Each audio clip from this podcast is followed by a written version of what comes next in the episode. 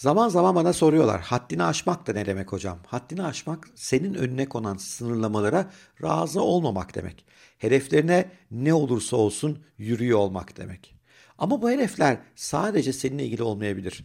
Bence daha değerlisi başkalarına yardım etmek. Senin kadar şanslı olmayan insanların hayatlarında bir fark yaratmak için çaba göstermek demek. Bugünkü konuğum sevgili Itır Erhard, başkalarına fayda sağlamak, başkalarının dertlerini dert etmek, başkalarının dertlerine çözümler getirmek konusunda inanılmaz bir haddini aşan.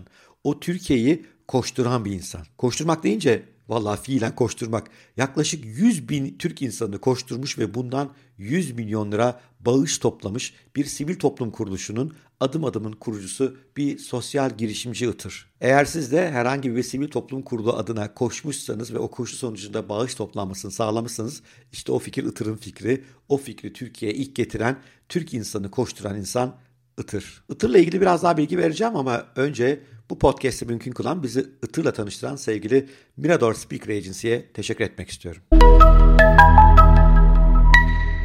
Bugünkü podcast'in sponsoru Mirador Konuşmacı Ajansı. Mirador kendisini geliştirmek ve değişimin bir parçası olmak isteyen kurumları konusunda uzman yerli ve global konuşmacılarla buluşturuyor. Mirador bununla da yetinmiyor. Müşterilerine eğitim, atölye, sahne şovları, takım oyunları, kuruma özel podcastler, videolar ve influencer işbirlikleri de sunuyor. Ama benim açımdan tüm bunlardan daha önemlisi Mirador benim de konuşmacı ajansım. Uzun yıllardır beraber harika projeler yaptık. Birlikte çok güzel işler çıkarttık. Çıkarmaya da devam ediyoruz. Önce yaşamlarımızın birbirine ne kadar bağlı olduğunu bilincine varmamız gerekiyor. Ancak hep birlikte hareket edersek bu dünyayı dönüştürme gücüne sahip olabiliyoruz. Başka canlılar için, bu gezegen için adım atmak, bir şeyler yapabilmek hepimize iyi geliyor. Mutlu olmamızı ve anlamlı yaşamlar sürmemizi sağlıyor. Bu güzel sözler Itır'a ait. Adeta onun yaşam manifestosu. O başkalarına yardım etmek, onun kadar şanslı olmayan insanların hayatlarına faydada bulunmak için yaşıyor adeta. Bunun için adım adım girişimini kurmuş. Ama Itır aynı zamanda bir felsefeci, aynı zamanda bir öğretim görevlisi ve aynı zamanda bir maraton koşucusu. Maraton deyince de öyle normal maraton da değil, ultra maraton koşucusu. Ultra maraton ne demek? Ben de açıkçası bu röportajda öğrendim. Bambaşka bir kategoriymiş. Zaten Itır'dan çok fazla şey öğrendim. Şimdi sözü daha fazla uzatmadan Itır'la olan mülakatımı sizlerle paylaşmak istiyorum. Ben müthiş keyif aldım. Umarım size de aynı duyguları yaratır. Hoş geldin Itır. Hoş bulduk Bora, merhaba. Seni ağırlamak çok zevk, büyük zevk. Ee, sabahtan beri hazırlanıyorum. Ee, Pınar'ın hikayesini okudum, araştırdım. Nereden başlayacağımı biraz zor tespit ettim çünkü çok rengarenksin. Bir yandan felsefe, bir yandan ultramaraton, bir yandan sosyal girişimler, öğretim görevliliği. Hakkında kitap yazılmış. Yani ilk defa hakkında kitap yazılan birisini ağırlıyorum burada podcast'ta. O da büyük zevk oldu. Ben şuradan girmek istiyorum. Ee, bu işte kabaca galiba 100 milyon lira yakın para toplamış olacaksın gelecek sene insanlığı yürüterek. 100 binin üzerinden insanı yürütmüş olacaksın. 2022'de e, muazzam bir girişim bu. bu. Bunu tetikleyen şey ne oldu? Yani hep böyle bir anlam arayışı var sen hayatında. Hep onu gördüm. Neden? Çok sormuşsun. Yani neden sınıfta 40 kişi var daha ilkokuldan itibaren başlamışsın sormaya.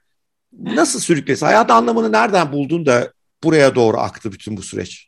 Oh, yani çok büyük bir soru bu. öyle başlayalım, büyük başlayalım. Yakışı felsefe falan deyince ben dedim öyle sorayım yani, oradan başlayalım. Charles Dickens romanları gibi e, hani doğdum ve e, ve çocukluktan itibaren tabii biraz bende anlam arayışı e, vardı. O zamanlar bunu anlam arayışı diye tabii ifade etmiyordum. Evet. Ee, ama sanırım e, işte babamın mesleği nedeniyle babam psikiyatrist. Ee, onunla sohbetlerim yani çok erken yaşlarda başladı. Hani insan üzerine, e, ruh sağlığı üzerine, anlam üzerine, felsefe üzerine e, babam bizlerle çok sohbet ederdi. Yani yaşımız kaç olursa olsun o yaşta bir çocuğun algılayacağı şekilde e, bu konuları hep düşünmeye başladık. E, ve e, babamla e, psikiyatri servislerinde geçirdiğim vakit aslında sanırım ilk e, yolculuğumun ilk başladığı yerler oralar. E, büyük bir şans benim için çünkü e, biliyorsun annesi babası çalışan çocuklar onların iş yerlerine giderler. benim de. E, bir anneyle psikiyatrist bir e, babanın kızıyım ve babam e, çok genç yaşta e, baba olduğu için hani yaşlarımız da epey yakındı. Ben onun yanında böyle kardeşi arkadaşı gibi daha ihtisasını yaparken servise gidiyordum ve çok sayıda orada arkadaşım vardı. Yani serviste e, kalan e, insanlarla ben e, diyalog halindeydim. Bu, çok bu, bunu tam anlamamış olabilir insanlar. Açalım. Bakırköy Akıl Hastalıkları Hastanesi'ne gidiyorsun. Serviste evet. dediğin orada o anda işte çeşitli e, zihni sorunlar yaşıyorlar diyelim. İnsanlar e, onlarla arkadaşlık ediyorsun. Yani e, net anlaşılsın diye söylüyorum. İnsanlar tam kavramamış olabilir. Bu ilginç bir durum da o yüzden evet. Evet, evet. Yani önce babam e, ben çocukken çok küçükken Cerrahpaşa'daydı. E, sonra Bakırköy'e e, geçti. O zaman Amatem diye bir servisteydi. Orada da ağırlıklı olarak alkol uyuşturucu tedavisi gören bireylerle bir aradaydı. Evet yani hastanede kalan ve toplum dışı olan bir kitleyle ben çocukluğumda gayet güzel diyalog halindeydim. E, tabii o benim oradaki dünyam. E, dış dünyaya çıktığınız zaman e, bu genellikle çok tuhaf karşılanan, senin de belki biraz önce bahsettiğin gibi e, ve e, yer yerde tabii eleştirilen, yani eleştirilen babam oluyor burada. E, hani bir çocuğun e, akıl hastanesinde işi ne? Yani çocuk neden akıl hastanesinde yani otursun. E, işte mahalledeki çocuklarla oynamak yerine. Fakat babam e, bizlerin hayatı tanımasını, e, farklılıklarla tanışmasını çok önemsiyordu. Hı hı. E, o yüzden e, belki de çok küçük yaştan e, bizi farklı ortamlara e, götürme çabası içinde oldu. E, çok eleştiriliyordu evet yani neden Itır akıl hastanesinde büyüyor, e, neden oraya gidiyor ve ben buna şaşırıyordum. E, çok bir anlam veremiyordum. Yani benim için gayet güvenli, keyifli bir e, alandaydık. E, neden insanlar oranın e, benim iyi olma halimi tehdit edecek e, bir yer olduğunu düşünüyordu. Orada işte yavaş yavaş yani bu şekilde formüle edemesem de bazı bireylerin ve grupların daha tanınmadan yani birebir hiçbir zaman yüzleşmediğimiz halde toplum dışı edildiğini fark ettim. E, ve o işte eşitsizlik, e, toplum dışı olma, e, gelir adaletsizliği gibi e, aslında çok büyük kavramlar üzerine çok küçük yaşta düşünmeye ve e, babamla tartışmaya başladık. Tabii e, lise yıllarında belki çok e, içinde değildim. Yani yine babamla e, gidip geliyordum. Ama üniversitede e, gerçekten hani e, bilinçli olarak e, gönüllülük e, hayatıma girdi. Gönüllüye paralel olarak da e, ben İngiliz Edebiyatı'nda okudum. İngiliz Edebiyatı'na girmiştim Boğaziçi'nde. Fakat aldığım felsefe derslerinden çok etkilendim. E, bizde zorunlu felsefe dersleri vardı. Onlardan çok etkilendim ve e, felsefeyle de e, çift ana dal yapmaya başladım. İşte gönüllülük çalışmalarına başlamamla e, felsefede e, başlamam eş zamanlı. Hmm. Yani orada mutluluk nedir, anlam nedir, iyi yaşam nedir? E, antik Yunan'dan itibaren sorduğumuz soruları sorarken e, bir yandan da bir fiil e, gönüllülük yapıyordum ve İstanbul'un dezavantajlı bölgelerindeki e, çocuklarla drama yoluyla güçlenme, kendini keşfetme, kendini daha iyi ifade etme çalışıyordum. Hmm. Sanırım başladığı nokta o nokta.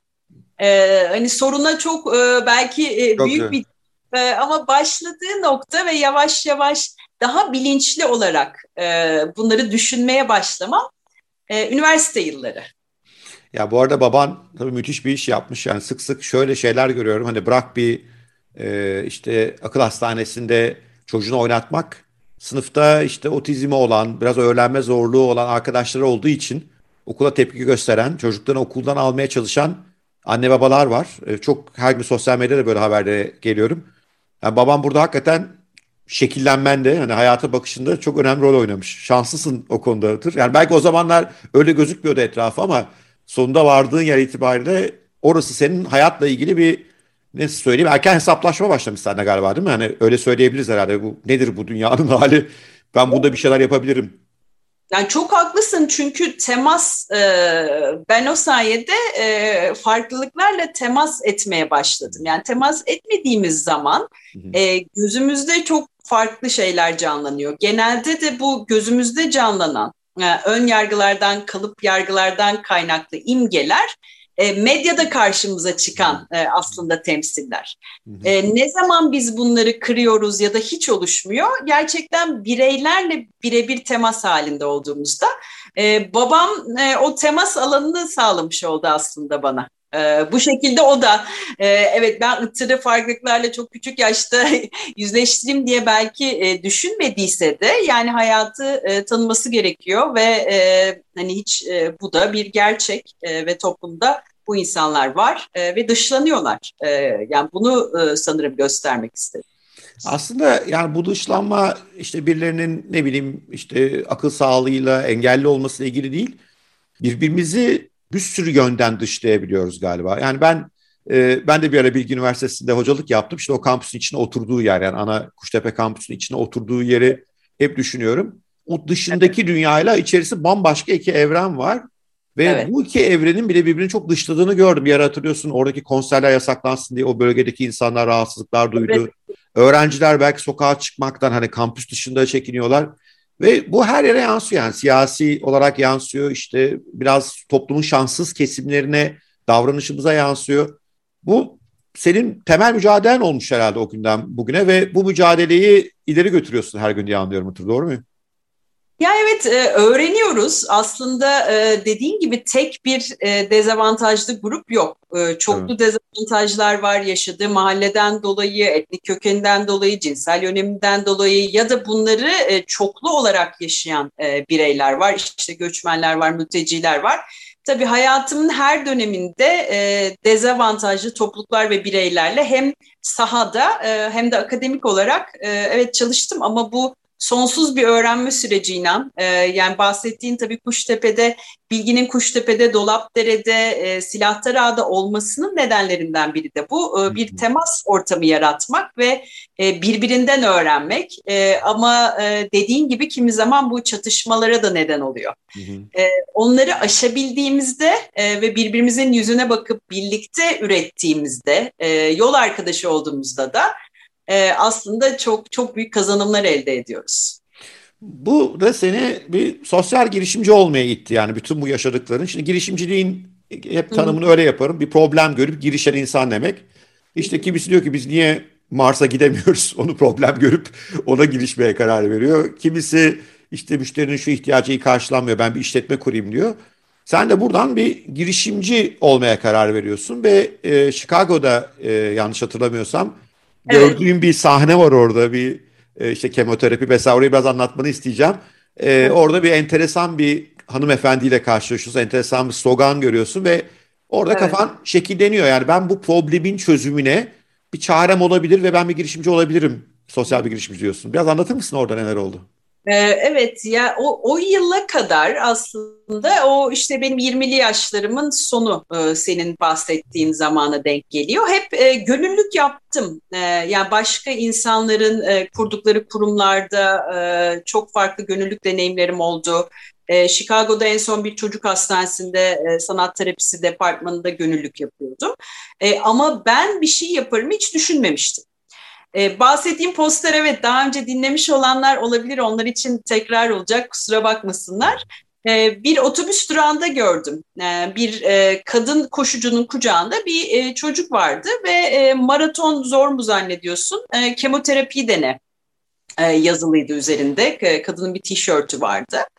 E, çok e, enteresan bir slogan. Bir yandan da çok vurucu tabii. Yani maratonla kemoterapinin nasıl bir alakası olabilir diye düşünüyorsunuz.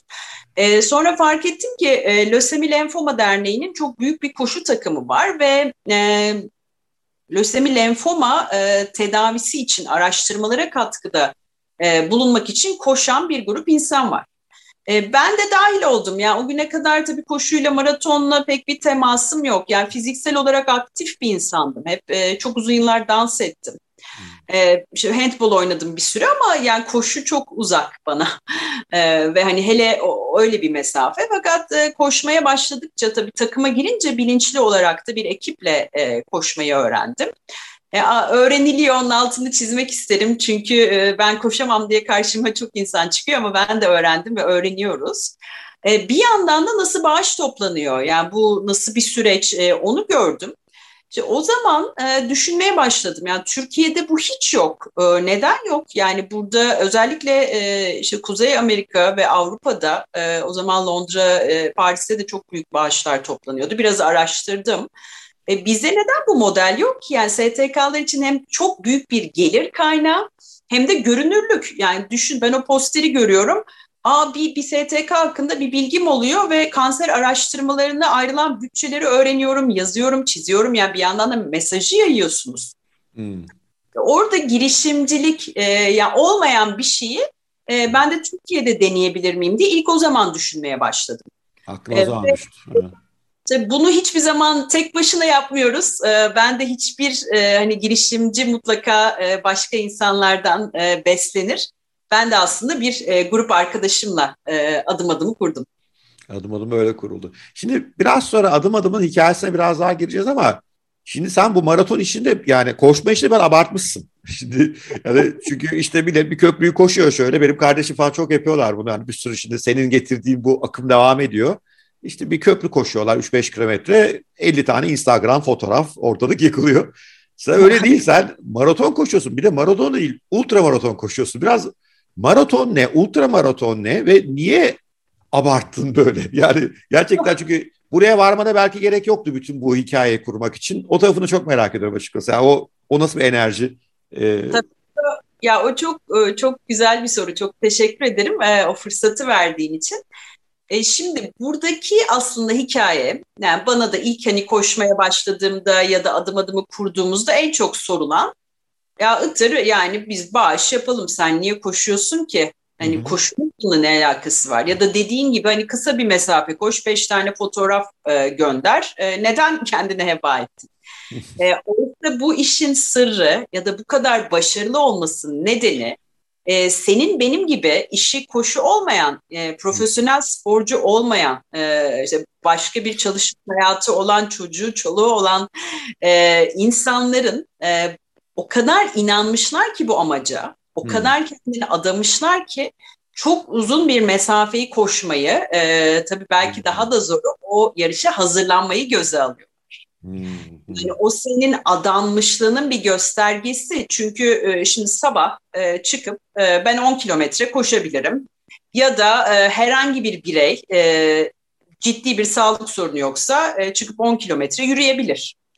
E, ama bunun karşı taraftaki etkisi e, aynı şekilde olmaz. E, yani benim Chicago'da e, ben bir poster gördüm ve 42 kilometre koşacağım, haftada 5 gün antrenman yapıyorum demem e, o meseleye nasıl ne kadar inandığımı, e, kendimi ne kadar adadığımı, bütün yaşamımı yeniden kurgulamam gerekti. Düşünsene.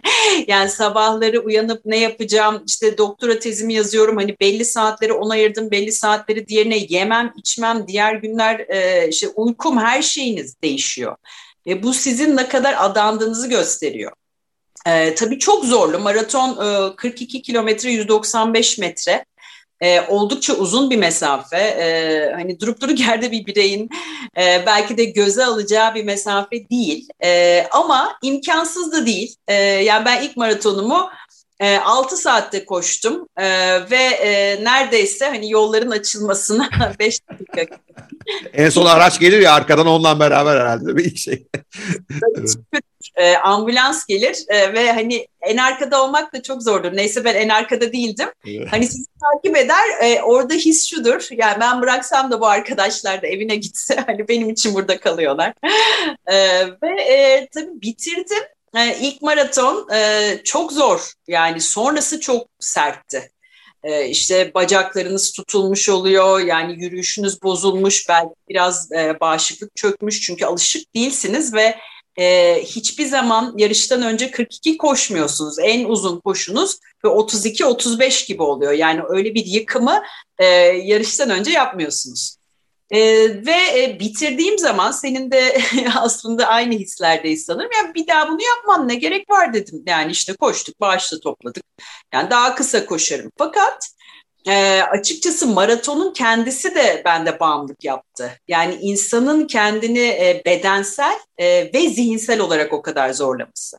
E, maratonu bacaklarınız koşuyor belki ama sizi devam ettiren aslında o zihinsel dayanıklılığınız. Hmm. E, çünkü zihin sana ıtır dur diyor yani çok anlamsız ne yapıyorsun hani çek kenara işte kahveni iç evine git kahvaltı ediyor insanlar. Sen neden hala gidiyorsun hani 5 saat geçmiş.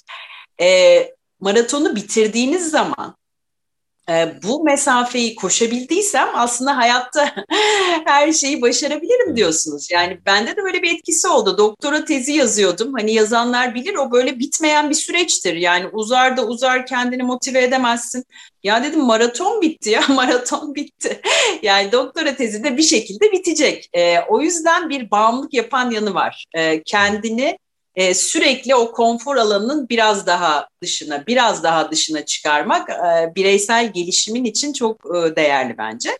Oradan devam ettim. E, ultra maraton dediğimizde e, 42 kilometrenin üstünde ya da e, ve ya da çok zor arazi koşullarında koşulan yarışlar. E, işte mesela benim ilk e, koştuğum İznik Ultra'ydı. İznik'te e, dağ köylerinden geçen bir yarıştı. E, Tuz Gölü'nde koşulan var. Türkiye'dekileri düşünürsek. Likya yolunda koşulan var. Bunu koşan kimi insanlar 250 kilometre gibi çok daha benim koştuğumdan çok daha uzun ve zor mesafelerde gidiyorlar. Ben genelde e, o ultramaratonun en kısası yani onların arasında bir 45-50-60 gibi bir e, mesafe oluyor. Onu koşuyorum. Ama o da hep bir konfor alanının dışı. Mesela çok küçük bir örnek verebilirim. E, ben sert e, inişlerden ve uçurumlardan çok korkan e, bir insanım. Yani yukarı çok rahat çıkarım ama inerken çok tedirgin olurum. E, böyle boşluğa basıp uçup gideceğim gibi gelir. E, ve e, Likya yolu ultramaratonu ee, işte herkes gidiyor koşuyor yani her gün bir etabını koşuyorsunuz. İşte Gelidonya Feneri bir gün, Musa Dağ bir gün. Yani çok özeniyorum ee, ve bizim hepimize çok ilham olan e, ultramaratoncu Bakiye Duran dedi ki ıtır dedi yani bu yokuş aşağı e, ya da işte uçurum korkun evde oturarak nasıl geçecek? yani oraya gidip e, onu denemezsen e, geçmeyecek. E, ve ben e, gittim gerçekten. Evet korktum. E, yani yer yer durup ben buradan inemeyeceğim e, dedim ama yani mecbursunuz ineceksin. o, o dağın başından e, seni indirdim. Yok. E, aracın giremediği yerlerdesin. E, bu şekilde işte yavaş yavaş o konfor alanının e, bir tık daha dışına, bir tık daha dışına. Sanırım o yüzden devam ettim ve ediyorum. Yani o bana iyi geliyor. E, düşündüğümden hmm. çok daha güçlü ve dayanıklıyız. İşte sıcakta da koşuyorum, Tuz Gölü'nde koşuyorum. Yani sıcaktan ölmediğimizi görüyoruz. İşte uçurumdan aşağı yuvarlanmayız. Yani dikkat ederiz gibi. E, o bende e, bağımlılık yaptı ve çok iyi geliyor. Gerçekten yani. Yani o zaman hani işin şimdi bağış tarafından bakacak olursak senin kendini böyle adamış olman o hikaye bağış yapanları motive ediyor. Diyorlar ki ya Itır'a evet. bak neler yapıyor. Demek ki bu davaya işte hangisi o hangi davanın peşine koşuyorsa o sırada müthiş inanmış. O onlara heyecan veriyor. O hikayenin içine katılmak istiyorlar. En azından ben koşmuyorum bari koşana destek olayım diyorlar herhalde veya onun üzerinden.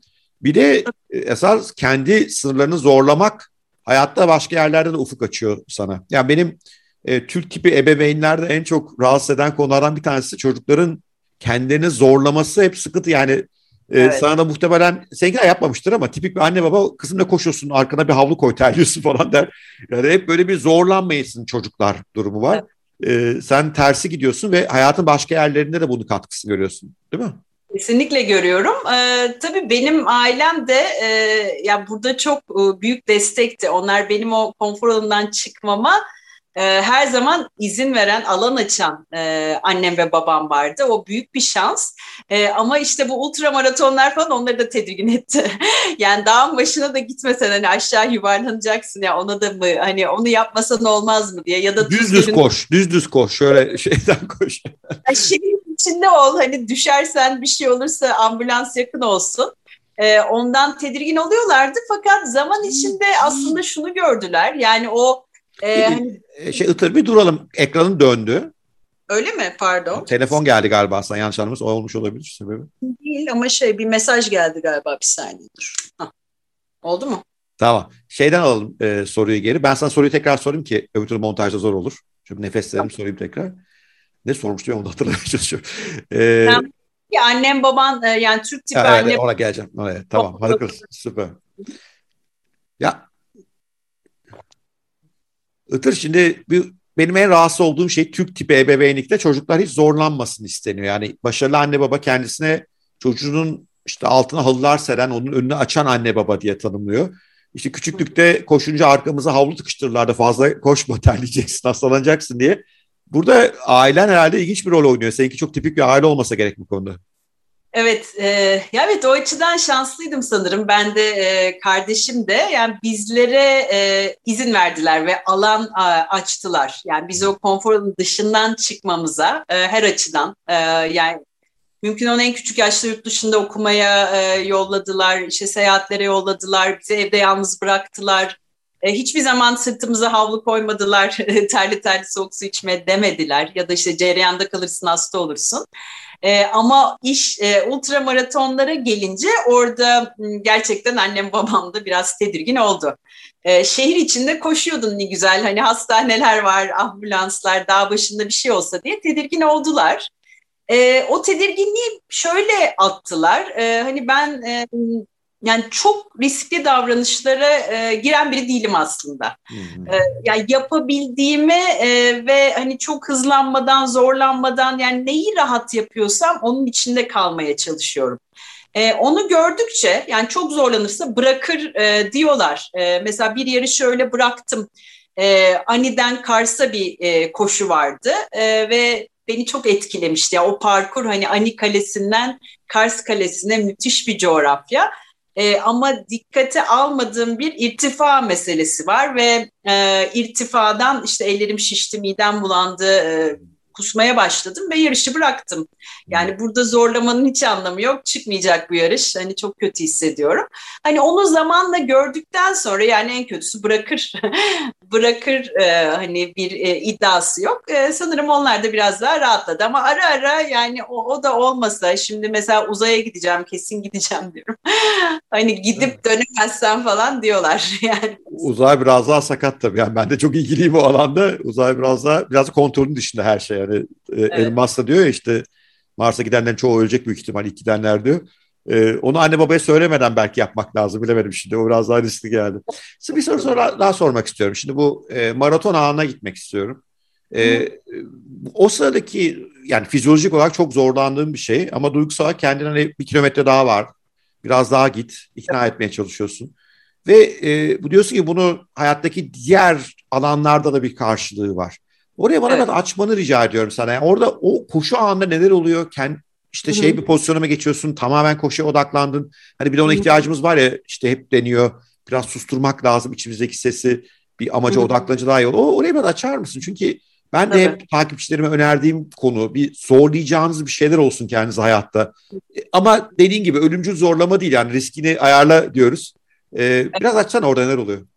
E, tabii e, yani maratonun kendisi e, hani bahsettiğim gibi konforunun dışında bir mesafe. E, yani hiçbir birey hani sabah çıktık konforlu bir şekilde 42'yi koştuk döndük. Hani çok ultra e, hani elit seviyede bir koşucu değilse.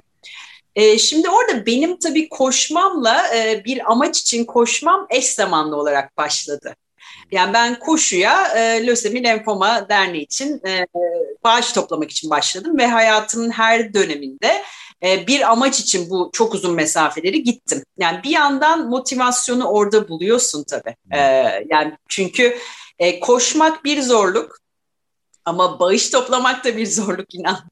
yani o da konforunun çok dışında. Ee, ilk yıllar o da beni çok tedirgin ediyordu. Yani birilerinden para istiyorsunuz. Yani e, Bora işte ben koşuyorum sen de bağış yap. Şimdi bu da çok zor aslında. Ve o da konforunun dışında. Normalde e, işte kahve ısmarla bana derim. Yani buraya bağış yap demem insanlara. E, ikisi de konfor alanının dışında ve e, gelişme senin de söylediğin gibi yani birey olarak gelişmemiz e, konfor alanının dışında gerçekleşiyor. E, o konforun içinde kalırsak, e, senin bahsettiğin işte bu helikopter ebeveynlik yani anne baba sürekli çocuğun etrafında, e nasıl gelişeceğiz? Yani gelişmek için e, büyümek için mutlaka onun dışında bir şeyler yapmamız gerekiyor. E, ve bende maratonun da e, bağış toplamanın da etkisi bu. Hmm. E, yolda ne hissediyorum? E, tek başına pek koşmuyorum ben Bora. Yani ben genelde e, hani bir arkadaşımla ya da birkaç arkadaşımla birlikte koşuyorum. E, yaklaşık aynı hızda olduğum, aynı mesafeleri e, koştuğum. Ve bizler gibi koşucular e, yani ultra e, işte elit atletleri çıkarırsak aslında hiçbir zaman nefes nefese kalmamalılar. Hmm.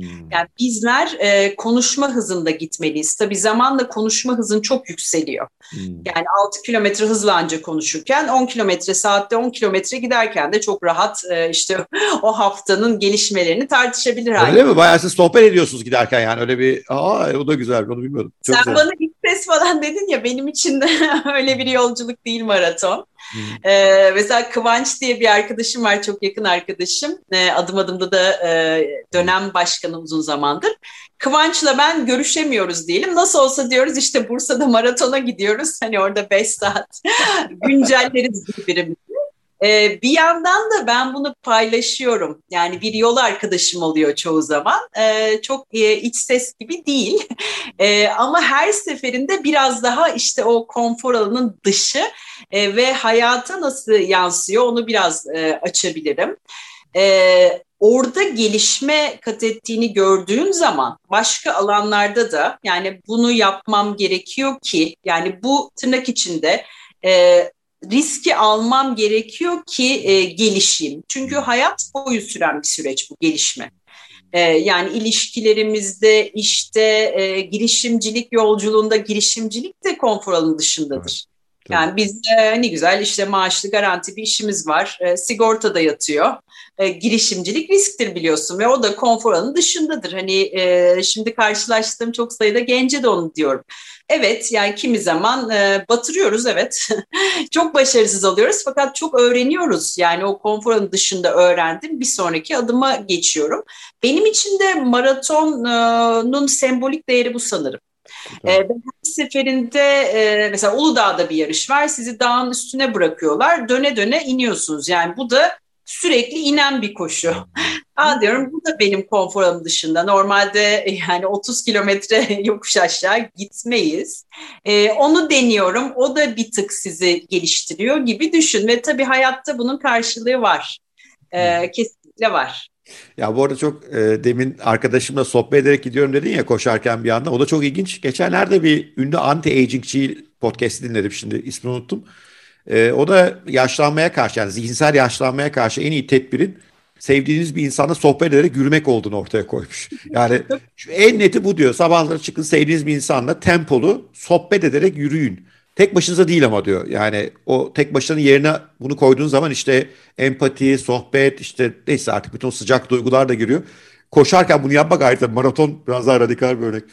Peki Ata şimdi Chicago'da bunu yaptın, bunu öğrendin. Bir yandan maraton, ultra maraton gelişiyorsun. Bir yandan insanların koşan bir insan niye saygı gösterdin ve daha fazla para, para ödemek isteyeceğini Amerika'da deneyimledin.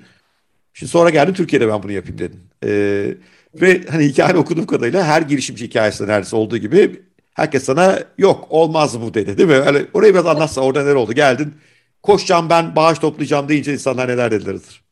Ya insanlar e, olmaz dediler. Bir e, hani e, Türkiye'de olmaz. Yani Türkiye'ye dair de böyle çok e, olumsuz yargılarımız olabiliyor ya. Yani orada olur, burada olmaz. Yani Türkiye'de insanlar e, koşmaz. Yani Türkiye'li insan e, oturur yani ne koşacak hani. e, ya da e, bağış da toplamaz. Yani zaten mesela Türkiye e, sosyal olarak daha dezavantajlı bir yer. Hı hı. E, daha yoksul bir ülke. Yani Amerika'da koşuyorlar ama hani neden Türkiye'de koşsunlar? e, gibi tepkiler alıyorsunuz ve o zaman e, hiçbir, hiçbir zaman ben bunu tek başına yaparım demedim açıkçası e, ve e, önce koşan insanlarla tanışmam gerektiğinin farkındaydım. Yani İstanbul'a taşındığım zaman 2005 yılıydı. Öncelikle koşan e, bireylere ulaşmam gerektiğini düşünüyordum. Fakat kim nerede koşuyor, ne yapıyorlar bilmiyorum. İstanbul'da hiç koşmamışım ben. E, bir radyo programında Zeki Yemez, e, sonradan çok yakın arkadaşım oldu. E, Zeki'nin 830K diye bir grupla Belgrad Ormanı'nda koştuğunu duydum. O da abisi Yücel'in Açık Radyo'daki programında hmm. ben maraton koşuyorum, biz kocaman bir grubuz diye anlatıyor. Hmm. Ben radyoyu arayıp Zeki'nin iletişim bilgilerini rica ettim. Ve aradım. E, o da böyle çok sıcak karşıladı. Yani ben dedim yurt dışında koşuyordum, burada yalnızım. E, ben de sizinle koşabilir miyim? E, gel dedi e, ve 8.30'da işte e, Kurdoğlu Pastanesi'nde buluşan bir grup varmış. O yüzden adları 8.30K. Ben onlarla Belgrad Ormanı'nda koşmaya başladım. E, çoğu benim gibi uzun mesafeciydi. Böyle ODTÜ Boğaziçi Dağcılık Kulübü geçmişi olan insanlar. E, onlara yavaş yavaş yani ben koşuyordum, bağış topluyordum, burada da yapsak diye böyle sohbetler başladı. Aralarında bu fikir e, çok heyecanlandırdı e, kimi arkadaşlarıma. E, ama her girişimciye e, sanırım benim de nacizane tavsiyem yani bir e, girişime başlayacaksak e, içinde bulunduğumuz yeri çok iyi anlamamız gerekiyor. Hmm. Yani bugüne kadar neden yapılmamış? E, buradaki zorluklar nedir? E, bu paydaşlarımız kim olacaksa onlara bir fikir danışalım ve e, çok ciddi iki seneye kadar süren bir saha çalışması yaptık.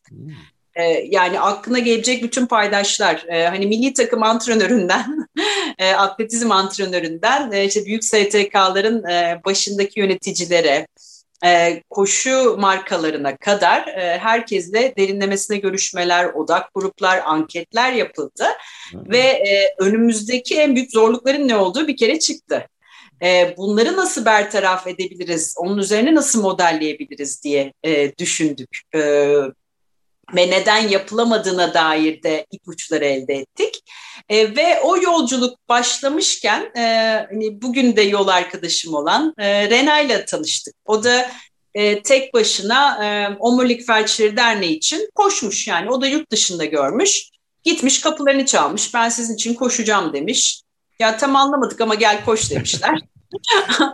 e, koşmuş bağış toplamış e, ve bunu anlattığı bir röportaj vermişti. E, o da benzer e, bir e, hani hayali varmış hmm. ve hep bir arada e, altı kişi e, adım adımı kurduk. E, bu şekilde başladı. Süper. Yani öyle bir hadi ben yarın koşayım gibi değil. Bayağı hazırlık var. Bir takım kuruyorsun. Uzun bir networking faaliyetin var. İşte kendine bir yoldaş, candaş buluyorsun ama onun dışında bir takım kuruluyor. İlk denemeler evet. yapılıyor, böyle yola çıkılıyor. Sonra ilk büyük projeniz ne oldu? Peki hani kuruldu, ilk büyük girişim ne oldu burada? İlk deneme ne oldu? deneme. E, şimdi kuruldu, modeli kurduk. E, o zaman en büyük önümüzdeki zorluğun e, şeffaflık olduğunu fark ettik. E, yani bireyler e, sivil toplum kuruluşlarına güvenmiyorlar. E, yani param nereye gidiyor bilmiyorum. E, sivil toplum kuruluşları da aslında bireyleri potansiyel destekçiler olarak görmüyor. Yani sivil toplum kuruluşlarının kafasında işte para nereden gelir? Büyük fonlardan, büyük şirketlerden gelir. E birey ne yapabilir? Yani çok hani büyük bir miras bağışçısı değilse e, bizler gibi bireyler ne yapabilir? Yani ikisi birbirinden tamamen kopuktu.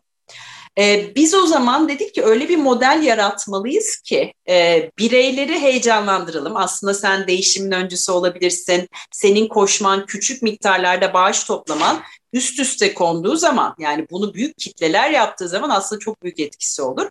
STK'lara da ya bak size bağış yapılmamasının nedeni e, bütün verilerinizi paylaşmamanız ya da paylaşanlara da e, paylaştığınızı göstermemeniz. E, yani bunu e, hani önceliklendirip e, kamuoyuyla paylaşmamanız e, dedik ve böyle bir köprü olmaya karar verdik. Modeli bunun üstüne kurduk. E, tabii yapmadığın zaman yani ne kadar güzel bir hayal diye düşünülüyor halen ve e, çok e, çok büyük destekçi bulamıyorsun. Yani mesela bir t-shirt sponsoru bile bulamadık. E, sonunda aramızdan biri e, hani destek oldu da yaptık. E, ne zaman e, hani yapılmışı var bak yaptık aşaması e, 2008 yılında e, Antalya Maratonu. O zaman adı Antalya'ydı. Ee, gene çok küçük bir grupla e, yani çok yakın e, arkadaşlarımızla biz Antalya'ya gittik. E, onları ikna ettik önce. Yani bunu da gene belki girişimcilere e, hatırlatmakta fayda var. Hani bir anda hiç tanımadığımız, bizi bilmeyen e, bir yatırımcıyı değil, önce en yakınımızdakileri bir ikna edelim e, bence o oradan başlamak önemli. Biz de oradan başladık e, ve birlikte koştuk. E, Antalya Maratonu'nda kimimiz maraton, kimimiz yarım maraton koştuk ve e, 72 bin lira kadar e, biz de omurilik felçlerine topladık. Çünkü onlar zaten biliyor artık e, nasıl bir süreç. Hani işte e, 40 küsür Renay olsun ister misin falan dedik. Güzel. İknası kolay olmuş. Yani şey satışı kolay olan bir proje. O noktadan sonra oraya getirince. Evet, kesinlikle. Ee, yani ondan sonra da tabii bağış toplanıp hani bu güzel bir görünürlük sağladıktan sonra e, hayat biraz daha kolay olmaya başladı. Ya evet yapılabiliyor. Yani zannedilenin aksine e, Türkiye'de de işte farklı meslek e, gruplarına ait insanlar, e, böyle elit atlet gibi görünmeyen, işte normal e, bedenlere sahip insanlar da koşabiliyor ve e, bağış toplayabiliyor. Sonra hayat da biraz daha kolay olmaya başladı bizim açımızdan. Aslında yani ister sosyal girişimci isterse işte normal para kazanacak bir girişim peşinde olsun derslerle dolu anlattıkların. Bizim e, ben Koç Üniversitesi'ne zaman zaman girişimcilik dersleri veriyorum. Orada önerdiğimiz her şeyi yapmışsın. İşte dar bir kitleyle başla. E, make things that don't scale diye bir laf var. Bu çok seviyorum startup dilinde. Hani ölçeklenmesi mümkün gözükmeyen şeyleri yap önce. Arkadaşlarını ikna et. Yani öyle işte büyük düşünmene gerek yok çok fazla onlardan başla. Faydayı göster. Bir tane prototip işte arkadaşın iyi bir prototip olmuş orada. Onu değer önermesi satmak daha kolay hale geliyor. Ee, inanan bir takım çok çok yaşam dersi dolu. Ama galiba orada durmadınız değil mi? Şimdi başka şeyler de yapıyorsun. Yani sen çünkü bu toplumsal eşitlik meselesi sadece konunun para olmadığını, başka dertlerde olduğunu düşünen bir insansın ve başka projeler de var. Biraz onlardan da e, bahsediyor. Girişmeye devam ediyorsun Itır. O yüzden duymak istiyorum azıcık da. Tabii e, aslında e, akademisyen şapkamla da ben e, bu konuları çalışıyorum. E, felsefe e, doktoramı da yaptıktan sonra e, iletişim fakültesine ders vermeye başladım ve e, işte ayrıştırma, ötekileştirme, dezavantajlı topluluklar ve bunları nasıl e, öğrendiğimiz, e, bunların üzerine çalışmaya başladım. Yani çocuk kitaplarında nasıl öğreniyoruz, hmm. işte kadınlık, erkeklik, oğlan çocuk, kız çocuk olma halleri, engelli olma halleri, yaşlı olma halleri e, ve bütün çalışmalarım ve araştırmalarım akademik tarafta da bunlara odaklanıyor. E, verdiğim bütün dersler de bunlarla ilgili. Yani yaşlık üzerine bir ders e, veriyoruz birkaç arkadaşımla, engellik üzerine veriyoruz, toplumsal cinsiyet eşitliği, e, insan hakları, e, kutuplaşma üzerine çok büyük bir projede yer alıyorum bir süredir. Hani akademik tarafta da bunun teorisi ve öğrencilerle bunları tartışmak ve pratiği e, aslında bir şapkam böyle devam ediyor. E, bir yandan da içinde bulunduğum e, sivil toplum kuruluşlarıyla e, tabii adım adım sayesinde e, yüzün üstünde sivil toplum kuruluşuyla çok yakın tanışma ve çalışma fırsatım oldu. Hiç e, düşünmediğim dezavantajlarla e, karşılaştım. Her birinden çok şey öğrendim ve e, hepsinin içine bir yerden girmeye çalıştım. Yani oradaki deneyimimi e, akademiye taşımaya, öğrencilerime aktarmaya e, burada edindiğim bir e, bilgiyi, deneyimi mesela e, mültecilerle ilgili daha teorik yaptığım bir işi ya da çektiğimiz bir videoyu, eğitim videosunu bu sefer aynı alanda çalışan bir sivil toplum kuruluşuyla paylaşma. Aslında çok birbirini besleyen e, işler yapıyorum. Büyük bir e, şans e, o açıdan da benim için. Gözlerin içi gülüyor zaten. Bu arada kampüste dedikodu topladım. Biraz seni çok seviyor öğrenciler Rıtın. Ha, gerçekten. Ee, evet çok seviyor. Biraz var yani benim de kaynaklar hala. Şu anda ders vermiyorum e, bilgide ama kaynaklar var. Çok sevilen bir hocası. Herhalde orada hani hem senin bu bu konudaki saf inancın bir de hani sırf bunun bir ders olmaması, pratiğinin olması, bu işte network'ü birbirine buluşturuyor olma herhalde ona hep etkisi var. Senin dersin pek öyle ben anlatıyorum dinliyorlar dersi değil gibi geldi bana. Bilmiyorum dersler nasıl geçiyor? Ne yapıyorsun? Derslerin de epey hareketli diye duydum dedikodular var. Yok hiç değil. Ee, ya onu istemiyorum da çünkü e, bu bir karşılıklı öğrenme süreci. E, ben de öğrencilerimden çok şey öğreniyorum. Yani ben sizden daha iyi biliyorum, ben bunu aktarıyorum, siz de bana geri aktarın. Ben de iyi not vereyim e, değil. E, burada e, istediğimiz bir tür belki sistematik düşünme, farklı bakış, işte eleştirel bakabilmek, belki farkında olmadığımız e, ayrımcılık türleriyle tanışmak, bunu deneyimlemek, birbirimizi ayrıştırıyorsak, e, ötekileştiriyorsak bunu fark etmek. E, bunları birlikte deneyimlemek, görmek, e, tabii teoriyle beslemek. E, o yüzden hani Itır anlatsın, siz öğrendiniz, siz de Itır'a geri aktarın değil. E, birlikte bir yolculuğa çıkıyoruz. Yani ben her e, karşılaştığım sınıfla e, aslında yeni bir e, yolculuğa çıkıyorum ve onlardan öğreniyorum. Yani onlar e, farklı içerikleri takip ediyorlar. E, mesela konumuz diyelim ki bürokrasi. E, işte ben Kafka'dan bahsediyorsam saatleri ayarlama enstitüsünden e, onlar da bambaşka diziler, filmler izlemiş oluyorlar o konularda. Yani diyorum ki bunlar hani e, size böyle çok uzak metinler değil, çok benzer işlerden bahsediyorlar. Onlar da onları getiriyor sınıfa ve e, böylece birbirinden öğrenme e, süreci e, devam ediyor.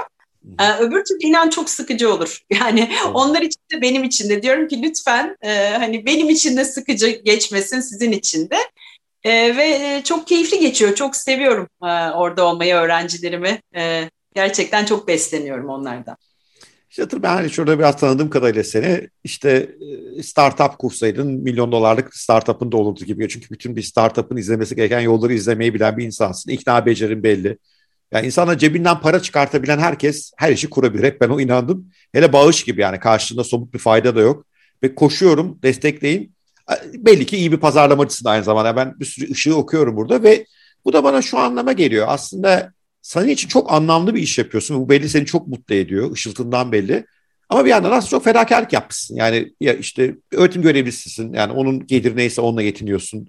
Hani iyidir inşallah hoş olsun ama işte yani hayattaki bir sürü diğer olanakla kıyaslanmaz. Ve eminim özel hayatında da, iş hayatında da bu anlamlı hayat fedakarlık gerektiriyor. Yani bir yere gidip 6 saat koşan bir insanın eşi, sevgilisi olmak da kolay değil. Çocuğun var, e, öyle bir annenin olması. Yani orayı nasıl gör? Çünkü bir sürü insan hani daha anlamlı hayat istiyor, istiyor. Bunun için kendine bir yol da çiziyorlar iyi kötü ama onun gerektirdiği fedakarlık ve o enerjiyi yüksek tutma, o momentumu korumada dağılıyorlar ve sonra dönüveriyorlar yuvaya. Orada ne tavsiye edersin? Ne yapınca bu momentum tutulabiliyor? Bu fedakarlıklar, zorluklar devam ediyor. Ee, ya herkes için e, aynı reçete işe yarar mı bilmiyorum ama benim yolculuğumda ben nasıl hissettim belki ondan bahsedebilirim. Ee, üniversite yıllarında ilk gönüllüye başladım dedim ya. Hı hı. Yani o kadar mutlu oldum ki e, demek ki dedim beni en çok mutlu eden bu. Hmm. Yani beni mutlu eden, e, anlam bulduğum, değer kattığım işleri yapmak. E, tabii dediğin gibi geçinmek zorunda. e, ve bağımsızlığıma çok düşkünüm ben. Yani finansal olarak e, hani kimseye bağlı olmak istemem. Yani hiçbir zaman istemedim. E, ya ailemden de hani mümkün olan en genç yaşta e, tamamen finansal olarak e, özgürleşmek istedim. E, tabii bu da e, bir gelirim olmasını e, gerektiriyor. E, ama hayatta Itır'ın neye ihtiyacı var diye hep düşündüm. Yani ben e, para ne için? Yani benim için sorarsan e, ben sanat çok seviyorum. Sanattan çok besleniyorum. E, işte konserlere, tiyatrolara gidebiliyor muyum? E, ve e, seyahati seviyorum. E, seyahat edebiliyor muyum? Yani bunları yapabiliyorsam işte barınabileceğim bir evim varsa çocuğumun e, okulunu ödeyebiliyorsam aslında çok daha fazlasını istemiyorum. Yani bunun çok daha fazlası olsa çok daha mutlu olmayacağımı da biliyorum. E, ve o yüzden e, dediğin gibi hani e, kar odaklı gelirimin çok daha yükseleceği bir e, işe zaman ve enerji harcamak yerine e, anlam bulduğum ve beni mutlu eden işleri harcamak e, yani benim yaşam kalitemi çok daha iyi tutuyor. Ben böyle çok mutluyum. E, ve günün sonunda gitmek istediğimiz yer e, mutluluksa, e, yani parayı da belki mutluluk için istiyoruz, işte ilişkiyi de e, ben böyle mutluyum. E, o yüzden e, farklısını aramadım ama sorduğun soru önemli. e, yani hiçbir yaşam, e, hani hep yaşam tercihler ve o tercihlerin sonucunda e, tabii e, zorlanabiliyorsunuz ya da bir takım ilişkiler zorlanabiliyor. E, evet yani çocuğum var ve e, onu mümkün olduğu kadar e, bu hayatın içine almaya çalıştım. Ben de tıpkı babamdan öğrendiğim gibi hmm. yani benimle işte Mardin'de eğitim birimine gideceksek TGV oraya geldi. Güney Afrika'da ben bir sahaya gidiyorsam yanımda geldi. Hani o da bunların içinde yaşasın. Ama yer yer e, tabii hayal kırıklıkları ya da ilişkiler e, haklısın. Yani özel ilişkilerde zorlandım. E, oldu ve oluyor. E, mutlaka her bir tercihin bir e, bedeli var. E, ama ne için neyi yaptığın e, ve önceliklerinin ne olduğu sanırım o belirliyor e, yaşamı. Yani böyle çok iyiyim ben. Çok hani minimalist bir e, yaşam yaşıyorum ve çok mutluyum. Yani çok küçük bir evde hani çok az eşyayla yaşıyorum. E, ama e, tabii hani e, tiyatroya gidebilecek, e, istediğimde seyahat edebilecek bir gelirim olsun. E, hani onu da garanti etmeye çalışıyorum.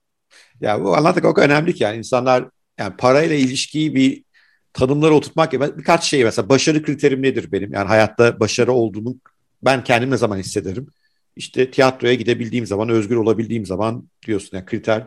E, bunun içine kadar para ihtiyacım var. E, onu sağlayabilecek e, düzende neler yapıp geriye ne kadar vakit artırıp e, onda da işte bu hayatıma anlam katan, renk katan şeyler ayırabilirim ki işinin kendisi de hayatı anlamlı geliyor sana. Öğretim görevlisi olarak da yaptıkların zevkli. Bu yönden aslında hem şanslısın hem de gerekli fedakarlıkları yapmışsın. Tercihlerde bulunmuşsun. Bir şey feda etmeden olmuyor ve eminim e, burada anlatacağım veya anlatmayacağım bir sürü zorlukla orada mücadele ettin ki bu sevdiğin hayata ulaş. Yani hep herkese bunu aşılamaya ben de çalışıyorum. Yani her şey mükemmel olamaz. Yani her şey bir harika olacak bir hayat yok. Yani tercihler var mı? O tercihlerin hakkını iyi veriyor musun? Ve yani o tercihlerden dolayı etrafta tabii paramparça etme. Yani ya, hayır. O belli bir dengeyi tutturabiliyor musun? Yeterli olur. Öbür türlü zaten çok daha ekstreme gidiyor. Çok hoşuma yani, gitti. Evet. Giderim. Ee, yani benim için çok e, kritik bir noktada heyecan. Ee, hmm. Yani ben hep e, mesela üniversiteye e, işte bölüm seçmeye gelen e, genç arkadaşlarıma da onu söylüyorum. Yani bana soruyorlar işte hangi bölüm şu anda yükselişte? E, hangisi hangi alan e, işte daha çok para kazanma potansiyeli olan alan. Ben diyorum ki yani şu anda sizi ne heyecanlandırıyor? Hmm. Yani bence o da çok e, önemli bir soru. E, ben hep e, kendime bunu soruyorum. Yani Itır şu anda seni ne heyecanlandırıyor? İşte bu dönem e, kripto para, blockchain teknolojisi ve tedarik zincirinin şeffaflığıysa ya o, onunla ilgili bir şey yapıyorum. E, o yüzden hani o heyecanımın e, peşinden de hep gitmeye çalıştım, gidiyorum heyecanları ötelememeye çalıştım. Yani dediğin gibi evet köprüleri yakıp yıkmak, e, her şeyi bırakmak değil ama yani beni heyecanlandıran ne var? E, bana iyi gelen, beni mutlu eden e, onların peşinden gitmeye çalışıyorum. Yani şu anda o e, daha çok param olması değil, hiçbir zaman olmadı. E, ama sizin heyecanınız buradaysa o, o da tamam diyorum. E, ama gerçekten hani heyecanın e, peşinden git. Ya onu çok hoşuma gitti. Yani çünkü aslında o heyecanın peşinden gidince o girdiğin alanda da başarılı olma ihtimalin artıyor. Çünkü işte sen de yaşadın. Her şey zor. O zorlukta ekstra bir enerji lazım. Enerji alabileceğin yerlerden bir tanesi de o konuyla ilgili derin heyecan duyman, tutku duyman. Ee, ve arada sırada hani o, o yola bir kendi kaptınca sürpriz sonuçlara da gidiyorsun. Belki hani evet. tam düşündüğün yere varmıyor olay. Başka bir çıkışı oluyor ama onlar hep evet. sana bir şey öğretiyor. Geçenlerde e, Lucet Hanım'la, Lucet Cohen-Phillips konuştuk da çok güzel bir laf etti. Hayat ileriye doğru yaşadım geriye doğru anlamlandırılan bir şeydir de çok sevdim o sözcüğü edebiyatçı zaten tam yakışan bir laftı. Bazı şeyleri sonra anlamını yani heyecana kapıp gidiyoruz sonra dönüp bunun anlamı nedir sorguluyoruz.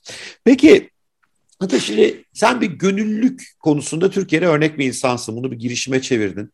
Ee, Türkiye'deki gönüllülük ekosistemini şu anda nasıl görürsün ve insanlara neler tavsiye edersin? Yani nerelerde bu şey ayrı hani birileri koşsun ben ona bağış yapayım. O çok tabii. güzel bir şey tabii ama yani bu seninki gibi bir öncü olmak için alanlar var mı? Ne tavsiye edersin? Eminim bir sürü insan bizi dinleyip şu anda hayatını anla benim için orada diyecek. Çünkü şunu biliyor çok araştırma okudum bu aralar. Başkalarına verdikçe daha çok mutlu oluyoruz aslında. Yani hayatın temel anlamlarından bir tanesi veriyor olmak. Bu tabii para bağışlamak, fitre zekat hepsi buna girer ama onlar işin bir bölümü. Ee, başka alanlarda var. Ee, karşı tarafta anlam bütünü yakaladın. O yüzden ne tavsiye edersin insanlara? Nasıl bir ekosistem var ne tavsiye edersin?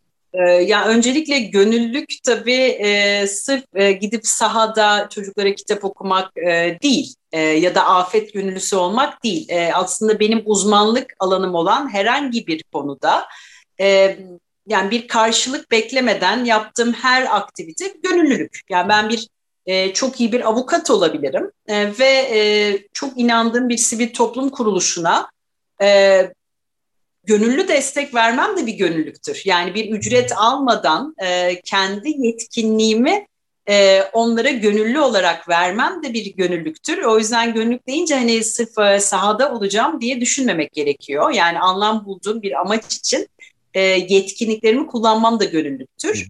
E, nereden başlarım? Tabii o biraz zordu. yani Türkiye'de e, gönüllülük rakamları çok düşük çünkü e, bunun Bence nedeni de e, çocukluktan itibaren yani bunun da e, hayatın bir parçası olduğu, çok olağan olduğu bize bu verilmiyor. E, çok geç yaşlarda çoğumuz tanışıyoruz. Yani ben şanslıydım, üniversitede tanıştım. E, kimi arkadaşlarım kurumsal hayatta ancak e, çalıştıkları kurumun çok güzel bir gönüllülük programı varsa tanışıyor. E, ve e, o yüzden de Türkiye'de gönüllülük yaygın değil. E, ancak e, artıyor ve e, bir kez siz gönüllü olduğunuzda ve bunun e, dediğin gibi mutlulukla çok yakın bir ilişkisi var. Yani e, başka canlıların iyi olma hali için çalışmak e, mutluluk getiriyor. E, bunu etrafınıza anlatıyorsunuz, onlara da bulaşıyor. Aa, diyorlar ben de yapayım o zaman, ben de bir yer bulayım. E, ama kim için ne için? E, yani o yüzden biz e, adım adımdan sonra açık açığı kurduk. E, açık açıkta e, aslında biz daha çok kime bağış yapayım e, sorusunun etrafındaydık. Yani evet bin tane STK var ama hangisi? E, orada hep şunu söyledik. Önce meseleyi bul. Yani gönüllüye başlayacak bütün arkadaşlarıma da sanırım bunu tavsiye ederim, ediyorum. E, seni en çok rahatsız eden sorun ne? Hı hı. Yani orman yangınları da olabilir, gezegenin ısınması da olabilir, e, işte sosyal dezavantajlı bir grubun dışlanması da olabilir, e, otizmli bireylerin aldığı eğitimin çok maliyetin yüksek olması da olabilir. Yani hangi sorun seni çok rahatsız ediyor? Bu alanda kimler çalışıyor? Bunlar arasında e, şeffaf ve hesap verebilir olanlar kimler? E, işte biz açık açık da onu gösteriyoruz yani finansal olarak. Ama bizim bir gönüllülük programımız yoktu. Yani biz bağış, işte bak bu insanlar, bu meseleler. Ee, daha sonra bu meseleyi kafaya takmış e, bir e, sosyal girişimin e, çok tesadüfen ben daha kuruluş aşamasında içinde e, oldum. Ability Pool diye. Onlar da bir gönüllü programı e, kurdular. Yani bu bir aplikasyon ve kurumsal dünyada e, kimler neler e, verebilir onunla STK'ların ihtiyaçlarını eşleştiriyorlar. Biz açık açık da onlarla bir e, yol arkadaşlığına başladık. Yani bizim sayfaya gelip e, işte ben bağışçı olmak istiyorum, e, şunlar şu alan. Gönüllü olmak istiyorum. Bu sefer Ability Pool'a entegre oldu sistem. E, onlar da yalnızca şeffaf hesap verebilir STK'larla çalışmak istiyorlar.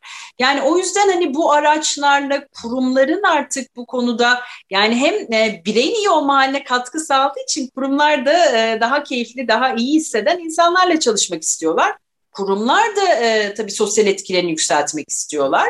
E, o yüzden kurumsal gönüllülük programları da çok artıyor. Bu beni çok heyecanlandırıyor. Yani kurumsal koşu takımları e, işte 400 kadar şu anda e, neredeyse o kadar kurumda bir yerinden gönüllüye e, girmiş durumda. Yani e, çok kısa zamanda daha da yükseleceğine e, inanıyorum ben. Yani çalışanların aslında kurumlarıyla ilişkisini düzelten bir şey bu. Yani kurumu böyle bir şey aracı olup çalışan eforunun bir bölümünü bu kendi dediğin gibi direkt know-how ile ilgili olabilir. İşte bir avukatsa pro bono bazı vakalarda yardımcı olur ihtiyacı olana veyahut da işte yeni şeyler yaparak, para toplayarak vesaire e, o kurumsal mutluluğu da artırıyor. Ben epey çalışıyorum. Müşteri deneyimi, çalışan deneyimi konularında projeler yapıyoruz. Genellikle çalışan deneyiminde yüksek rating olan firmaların bu tip projelerde çok aktif olduğunu ama laf olsun diye değil hani bazı böyle biraz PR faaliyeti de yapıyor. Daha cidden içinde olduğunu görüyoruz ve hakikaten mutlu artıran bir şey insan anlam katıyor. Çünkü hani iş hayatı her zaman anlamlı değil işin doğrusu yani. Bir iş şirkette de hep onu söylerim. Ben herkes anlam arayışında derim hep. Ya arkadaş bu şirkette anlamsız işler de var. Yapılması gerekiyor o şirket dönsün.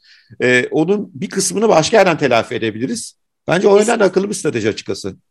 Yani aidiyet duygusu için de bence çok değerli. Ee, eğer çalıştığınız kurum sizin gönüllü faaliyetlerinize destek veriyor, hatta bunlar için alan açıyor, uygulamalar geliştiriyorsa e, sizin o kuruma bağlılığınız da artıyor. Hatta mesela iş saatleri içinde gönüllülük çalışmalarını destekleyen çok sayıda kurum var.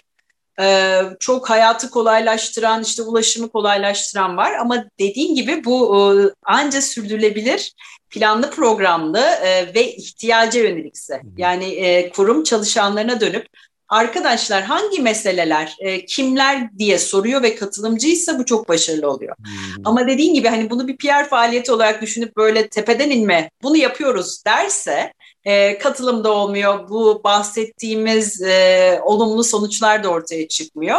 E, şunu çok görüyorum Türkiye'de 5 Aralık Dünya Gönüllüler Günü. İşte o gün herkes bize geliyor. Itır bir gün gel anlat ya da bir günlük bir şey yapalım. Yani diyorum bu böyle bir şey değil. Yani senede bir gün değil. Senede bir gün yaparsak işte 5 tane fotoğraf çıkar. E, kurumumuzda da hiçbir dönüşüm olmaz. Sosyal etkin de olmaz. Ama bu zihniyet dönüşüyor. Ee, yani sen, ben hepimiz hani bunun dönüşmesine de e, aracılık ediyoruz aslında. İnşallah bugün de böyle biraz aracı olmuşuzdur bu konuda insanlara. Ya bununla ilgili aslında son bir soru sormak istiyorum. Ben sana neyi sormadım Itır onu sormak istiyorum. Yani keşke Bora şunu da sorsaydı da e, bu dinleyen insanlara bir katkım daha olsaydı. Gönüllülük konusunda veyahut da daha genişletirsek işte hayat felsefesi, yaşam her şey olabilir e, belki derslerinde böyle favori bir sorun falandır olabilir. Yani sanatla e, bağlantı, yani sanatın benim hayatımdaki önemi yeri, yani sanatın iyi olma haliyle ilişkisi. Hani çünkü ben e, bütün bu gönüllük deneyimimi de ve m, kendi yetkinliklerimi de o alana aktarmaya da e, çok e, hani özen gösteriyorum. Hani belki onu sorabilirsin bir e, hani sanat... Hadi sorayım. E, sanatla mutluluğun ilişkisi, sanatla hayatın bütünlüğünün ilişkisi Biraz anlatsana madem bu işi de çok seviyorsun. bakış açısı çok merak ediyorum Otur. Evet, yani sanat deyince o da e, aslında çok babamdan gelen, e, yani bana onun katkılarından biri. Çünkü babam e, çok küçük yaşlardan itibaren bize çok sevdiği edebiyat eserlerini okurdu. E, bunlar hani e, farklı dillerde de bazıları ve e, yani hiçbir şey anlamıyorduk. E, ama diyorduk ki hani sesini bile duysanız bu benim için çok önemli. E, ve yine çok küçük yaşlarda e, tiyatroyla tanıştık, müzikle tanıştık e, ve sanat benim e, hayatımda çok belirleyici, çok hani bambaşka bir yere e, yine çok küçük yaşlarda oturdu. Tabii e, okuduğum bölümde de e, daha fazla içinde oldum. E, çünkü edebiyat okudum ben ama edebiyat bölümünün içinde müzik dersleri de vardı, caz tarihi de vardı. E, hep böyle sanat bir yerinde hayatımda oldu ve ben sanattan çok beslendim. Hmm. Yani izlediğim filmlerden, e, gittiğim konserlerden, işte o yıllarda e, AKM'nin önünde saatlerce kuyruk bekleyip e, yaşadığım festival deneyimlerinden yani onlar e, bana çok şey kattı ve hep böyle e, hani sanat e, bir yerinde olsun. Hiçbir zaman icracı olmadım. Yani dans ettim ama çok kötüydüm ve hani profesyonel bir yere hiçbir zaman gitmedi. Şarkı söylemeye çalıştım. Koroda yani orada da hani çok ilerleyemedim ama e, hep e, sanat e, bana çok heyecan verdi.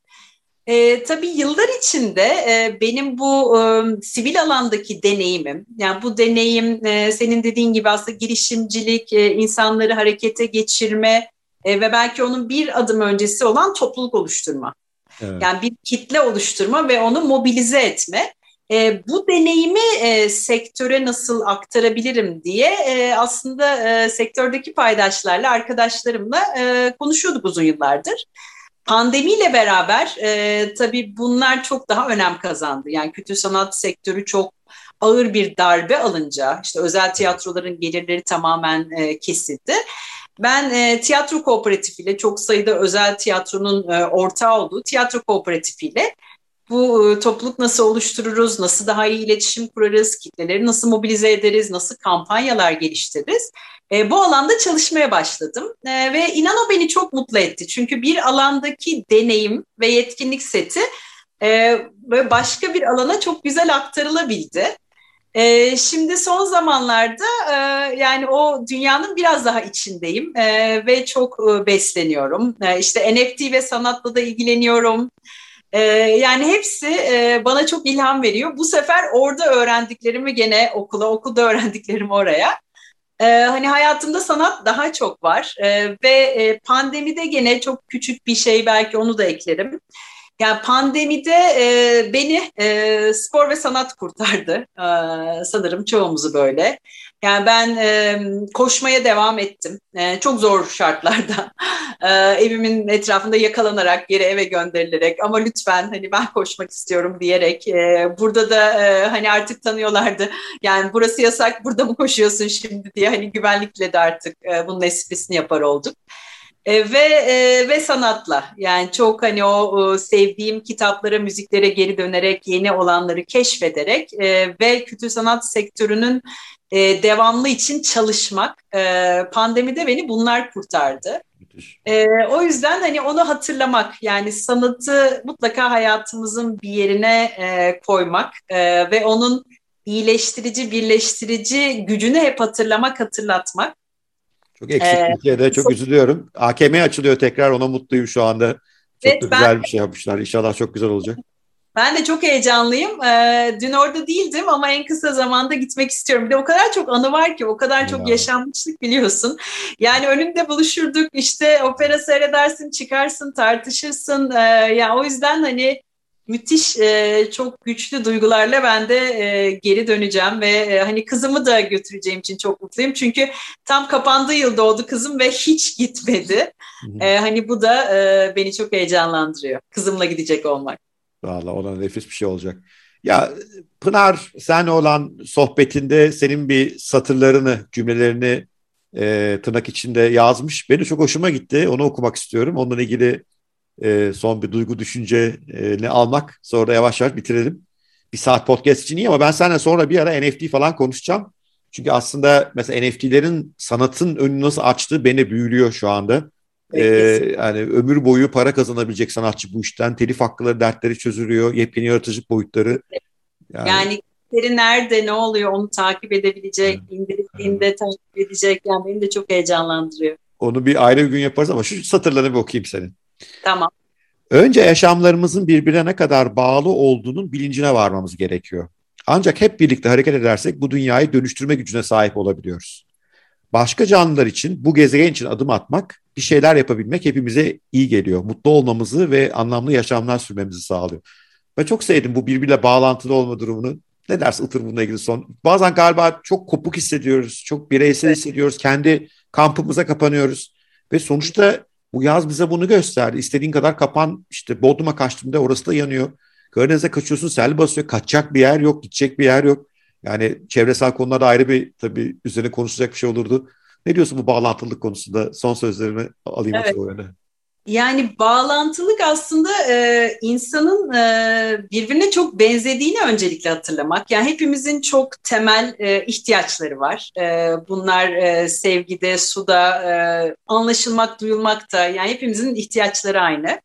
Ve bu ihtiyaçlar karşılanmadığında hissettiğimiz negatif duygular var ve bunların karşıya davranışlar olarak yansıması var aslında hepimiz e, bunları hatırlarsak yani karşımızdaki insan da e, benzer bir e, duygu içinde yani onu da belki duymadık, duyulduğunu hissetmedi o yüzden e, üzüldü ve öfkeyle bağırdı bana. Hmm. Yani o karşımızdaki insanların da e, duygularını ve ihtiyaçlarını anlamaya çalışırsak, e, o bağlantıları kurabilirsek, e, bunu mahalleler, e, devletler düzeyinde de yapabilirsek, işte o zaman e, dönüşümü sağlayacağız. Yani ben hep e, bunun bir yerinde olmak e, istedim. E, çünkü o noktadan sonra dönüşüm başlıyor. Yani hiçbir mesele e, bir bireyin, e, bir kurumun, bir yerel yönetimin e, tek başına çözeceği bir mesele değil. Yani bu iklim krizi. E, ve iklim krizini ancak işte biz bireyler, akademi, yerel yönetim, devlet kurumları hep bir arada olursak çözebiliriz. E, bunun ilk e, aşaması da e, birbirimizi duymak, anlamak aslında çok temelde e, çok benzer ihtiyaçlar ve duygulardan kaynaklı davranışlarımız olduğunu hatırlamaktan geçiyor. O bağlantılarımızı ve benzerliğimizi hatırladıktan sonra birlikte hareket etmek çok daha kolay e, ve ötekileştirmemek çok daha kolay e, ve bu da e, dönüşümde e, bağlar kurmakta bizi mutlu ediyor ve anlamlı yaşamlar yaşadığımızı hissediyoruz. E, sanırım işin sırrı bu en azından e, benim e, gördüğüm yerde, benim durduğum noktada e, sanki mutlu yaşamın, iyi yaşamın sırrı bu gibi duruyor. Ne güzel söyledin ya vallahi çok hoşuma gitti. Hadi kalkıp koşasım var şu anda öyle söyleyeyim ben. Benim enerjimi çok yükselttin. Hakikaten e, pırıl pırıl geliyorsun buraya sesinle, mutluluğuna bana da çok yansıdı. Haddini aş e, misafir olduğu için bugün çok biz haddini aşmaya hep böyle biraz daha iş hayatı, para falan, spor hep onu üzerine ama aslında en güzel haddini aşmanın yolu galiba başkalarına katkı, mutluluksa amaç. O bağlantılar sayesinde herkes mutlu oluyor. E, çok güzel mesajlar oldu. Çok teşekkür ediyorum Itır. Katıldın bize. E, bir e, yayınladığımız zaman haber vereceğim sana da mutlaka. E, o zaman da tekrar konuşuruz. Ben ama seninle herhalde bir daha görüşeceğim. Şu NFT, NFT, blockchain bir bulandırdın oraları şöyle. Benim de deli olduğum konular. Onlara bir gün yine gelelim. Sanatla bunlar nasıl birleşiyor tekrar konuşalım. Ne dersin? Çok Şimdiden... çok sevinirim. Ee, ben de konuşmak isterim.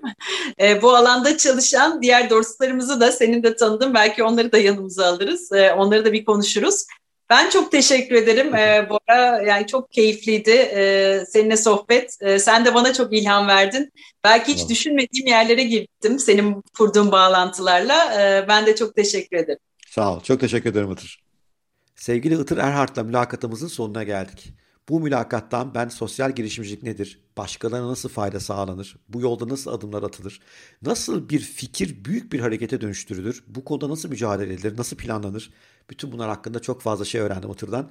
Umarım sizler için de yararlı bir mülakat olmuştur. Umarım siz de Itır'dan ilham alıp ben çevrem için ne yapabilirim, ben dünyam için ne yapabilirim, ben çevremdeki canlılar için neler yapabilirim konusunda bazı sorularla terk ediyorsunuzdur bu mülakatı ve umarım harekete de geçersiniz bu konularda.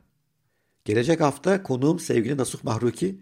Nasuh Türk bayrağını Everest'te tam iki kez dalgalandıran müthiş bir dağcı, müthiş bir sporcu ama aynı zamanda insanlara yardımcı olmaya çalışan insanların yazdıklarıyla, dersleriyle yardım eden, yol gösteren müthiş bir felsefeci okur. O tam bir Karl Leopar'ı, o tam bir sporcu hakikaten anlatmak yetmez. Kelimeler yetmez. Gelecek hafta Nasuh'la olan bomba gibi röportajıma sizleri mutlaka beklerim.